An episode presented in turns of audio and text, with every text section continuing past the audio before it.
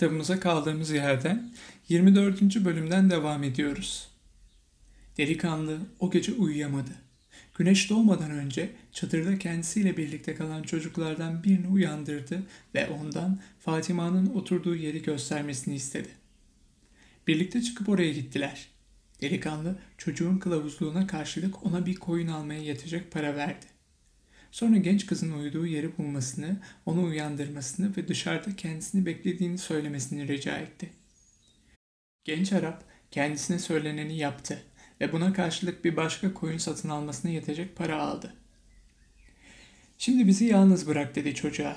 Vaha müşavirine yardım ettiği için gurur duyan ve koyun alacak parası olduğu için de mutluluktan uçan çocuk tekrar uyumak üzere çadırına döndü. Fatima çadırın kapısında göründü. Birlikte hurma ağaçlarının arasına yürüdüler. Delikanlı yaptıklarının geleneğe aykırı olduğunu biliyordu. Ama şimdi bunun hiçbir önemi yoktu. Ben gidiyorum dedi ve geri geleceğimi bilmeni istiyorum. Seni seviyorum çünkü... Hiçbir şey söyleme diyerek sözünü kesti Fatima. İnsan sevdiği için sever. Aşkın hiçbir gerekçesi yoktur. Ama gene de yanıtladı delikanlı.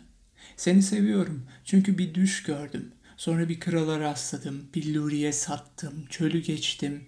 Kabileler savaşa tutuştular ve bir simyacının oturduğu yeri öğrenmek için bir kuyunun yanına geldim. Seni seviyorum çünkü bütün evren sana ulaşmam için işbirliği yaptı. Kucaklaştılar. Bedenleri ilk kez birbirine dokunuyordu. Geri döneceğim dedi bir kez daha delikanlı. Önceleri çöle baktığım zaman içimde bir arzu duyardım. Şimdi içimde umut olacak. Babam bir gün gitti ama daha sonra anneme geri döndü ve ne zaman gitse geri dönüyor. Bundan başka bir şey konuşmadılar. Hurmalıkta biraz yürüdüler. Delikanlı genç kızı çadırının kapısına kadar götürdü. Baban annene nasıl dönüyorsa ben de geri döneceğim dedi ona. Fatima'nın gözlerine yaş olduğunu fark etti. Ağlıyor musun? Ben bir çöl kadınıyım diye yanıtladı. Yüzünün ifadesini değiştirerek. Ama her şeyden önce bir kadınım ben. Fatima çadırına girdi. Kısa bir süre sonra güneş doğacaktı. Güneş doğunca yıllardır yapmaya alıştığı şeyleri yapmak için dışarı çıkacaktı. Ama her şey değişmişti. Delikanlı Vaha'dan ayrılmıştı. Vaha daha düne kadar taşıdığı anlamı yitirmişti. Gezginlerin uzun bir yolculuktan sonra ulaşınca mutlu oldukları 50 bin hurma ağaçlı 300 kuyulu Vaha değildi artık burası. Vaha bugünden sonra boş bir mekan olacaktı onun için. Bugünden sonra çöl Vaha'dan daha çok önem kazanacaktı. Hazinesini ararken delikanlının kendisine hangi yıldızı kılavuz seçtiğini düşünerek ve çöle bakarak vakit geçirecekti. Delikanlıya rüzgarla öpücükler gönderiyor ve rüzgarın onun yüzüne dokunacağını ve ona kendisinin hayatta olduğunu, düşlerin ve hazinelerin peşinde yoluna devam eden cesur bir erkeği bekleyen bir kadın gibi onu beklediğini ona söyleyeceğini umuyordu. Bugünden sonra çöl bir tek şeyin simgesi olacaktı. Onun dönüş umudunun. Arkada bıraktığın şeyleri düşünme dedi simyacı atlarıyla çölün kumlarında ilerlerken. Her şey evrenin ruhuna kazınmıştır ve ebediyen orada kalacaktır. İnsanlar gitmekten çok geri dönüşü hayal ediyorlar dedi çölün sessizliğine. Yeniden alışmış olan delikanlı. Bulduğun şey saf maddeden yapılmışsa hiçbir zaman çürümeyecektir ve oraya bir gün geri döneceksin. Bir yıldız patlaması gibi bir anlık ışıktan başka bir şey değilse o zaman geri dönüşünde hiçbir şey bulamayacaksın. Gene de en azından bir ışık patlaması görmüş olacaksın. Yalnızca bu bile yaşamış olmanın zahmetine değer. Adam simya diliyle konuşuyordu. Ama yol arkadaşının Fatima'yı ima ettiğini biliyordu delikanlı. İnsanın geride bırakmış olduklarını düşünmemesi olanaksızdı. Çöl hemen hemen hiç değişmeyen görünümüyle sürekli olarak düşlerle besleniyordu. Hurma ağaçları, kuyular ve sevdiği kadının yüzü delikanlının gözünün önünden gitmiyordu. İngiliz ve laboratuvarı, bir hoca olan ama bunu bilmeyen devece de gözünün önünden gitmiyordu. Belki de simyacı hiç aşık olmamıştır diye düşündü. Omzunda Şahin'le simyacı önden gidiyordu. Şahin çölün dilini tam anlamıyla biliyordu ve mola verdiklerinde simyacının omzundan uçup yiyecek aramaya gidiyordu. İlk gün bir tavşan getirdi. Ertesi gün iki kuş. Akşamları yaygılarını yere seriyor ama ateş yakmıyorlardı. Geceleri soğuk olan hava ay gökyüzünde küçüldükçe daha karanlık oluyordu. Bir hafta boyunca sessizlik içinde ilerlediler. Savaşın içine düşmemek için alınması gereken önlemler dışında hiçbir şey konuşmuyorlardı. Kabileler arasındaki savaş sürüyordu. Kimi zaman rüzgarın getirdiği kanın ağır kokusunu duyuyorlardı. Demek ki yakınlarda bir savaş olmuştu ve rüzgar gözlerinin göremediği şeyleri her zaman göstermeye hazır olan işaretlerin dilinin varlığını delikanlıya anımsatıyordu. Yolculukların yedinci gününün akşamı her zamankinden daha erken konaklamaya karar verdi simyacı. Şahin av aramaya gitti. Simyacı kırbasını çıkartıp delikanlıya su verdi. İşte kısa bir süre sonra yolculuğun sona erecek dedi. Kişisel menkıbenin izinden gittin. Kutlarım seni. Ama bana hiçbir şey söylemeden kılavuzluk ediyorsunuz. Bildiklerinizi bana öğreteceğinizi sanıyordum. Bir süre önce elinde simya kitapları olan biriyle birlikte çölde yolculuk yaptım ama hiçbir şey öğrenemedim. Bir tek öğrenme yöntemim vardır diye yanıtladı simyacı.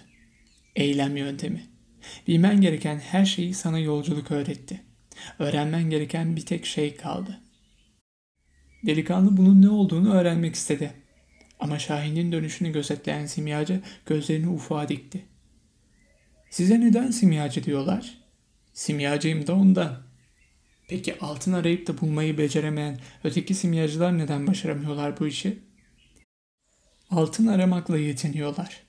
Menkıbenin kendisini yaşamak istemeksizin kişisel menkıbelerinin hazinesini arıyorlar. Bilmem gereken daha ne var diye sordu delikanlı. Ama gözlerini ufuktan ayırmıyordu simyacı. Bir süre sonra Şahin bir avla döndü. Alevlerin ışığını kimsenin görmemesi için bir çukur kazıp içine ateş yaktılar. Bir simyacı olduğum için simyacıyım ben dedi yemeklerini hazırlarken. Bu bilimi atalarımdan öğrendim. Ki onlar da kendi atalarından öğrenmişlerdi. Ve dünyanın yaratılışından bu yana bu böyledir. O sıralar bütün büyük yapıt bilimi küçük bir zümrüdün üzerine yazılabilirdi. Ama insanlar basit şeyleri önemsemediler ve kitaplar, yorumlar ve felsefi incelemeler yazmaya başladılar. Üstelik en iyi yöntemi kendilerinin bildiklerini ileri sürmeye kalkıştılar. Zümrüt levhada ne yazıyordu diye sordu delikanlı. Simyacı bunun üzerine kuma bir şeyler çizmeye başladı ve bu iş beş dakikadan fazla sürmedi. Simyacı çizmeyi sürdürürken delikanlı yaşlı kralı ve ona rastladığı alanı anımsıyordu. Sanki aradan çok uzun yıllar geçmiş gibiydi. Zümrüt levhanın üzerinde yazılı olan işte buydu, dedi simyacı, işini bitirdiği zaman. Delikanlı yaklaşıp kumun üzerine yazılı olan sözcükleri okudu. Bir şifre bu, dedi. Zümrüt levha yüzünden biraz hayal kırıklığına uğramış olan delikanlı. Sanki İngiliz'in kitaplarında da yazıyordu böyle bir şey. Hayır diye yanıtladı simyacı. Atmacaların uçuşuna benzer bu. Yalnızca akılla anlaşılması olanaksızdır. Zümrüt levha doğrudan doğruya evrenin ruhuna giden bir geçittir. Bilgeler doğal dünyanın cennetin bir görüntüsünden ve suretinden başka bir şey olmadığını anladılar. Tek gerçek şudur ki var olan bu dünya bundan daha mükemmel bir dünyanın var olduğunun güvencesidir. Tanrı bu dünyayı insanlar görülen nesneler aracılığıyla manevi öğretileriyle bilginin mucizelerini anlayabilsinler diye yarattı. Ben buna eylem diyorum. Benim zümrüt levhayı anlamam gerekir mi? diye sordu delikanlı. Belki bir simya laboratuvarında olsaydım şimdi zümrüt levhayı öğrenme yönteminin en iyi incelemesinin tam sırasıydı. Ama çöldesin şimdi. Öyleyse en iyisi çölün içine dal. Dünyayı ve aynı zamanda yeryüzünde olan herhangi bir şeyi anlamana yardımcı olur. Çölü anlamaya bile ihtiyacın yok. Bir tek kum tanesini seyretmen yeter. O zaman orada evrenin bütün harikalarını göreceksin. Çölün içine dalmak için ne yapmalıyım? Kendi yüreğini dinle. Yüreğin her şeyi bilir. Çünkü evrenin ruhundan gelmektedir ve bir gün oraya geri dönecektir. Bu bölümün sonuna geldik. Bir sonraki bölümde görüşmek üzere. Geceyim olarak sizler için Şeker Portakalı kitabını da seslendirdik. Dilerseniz bu listeye Şeker Portakalı Kitap Seslendirmesi adıyla arayarak ulaşabilir ve hemen dinlemeye başlayabilirsiniz.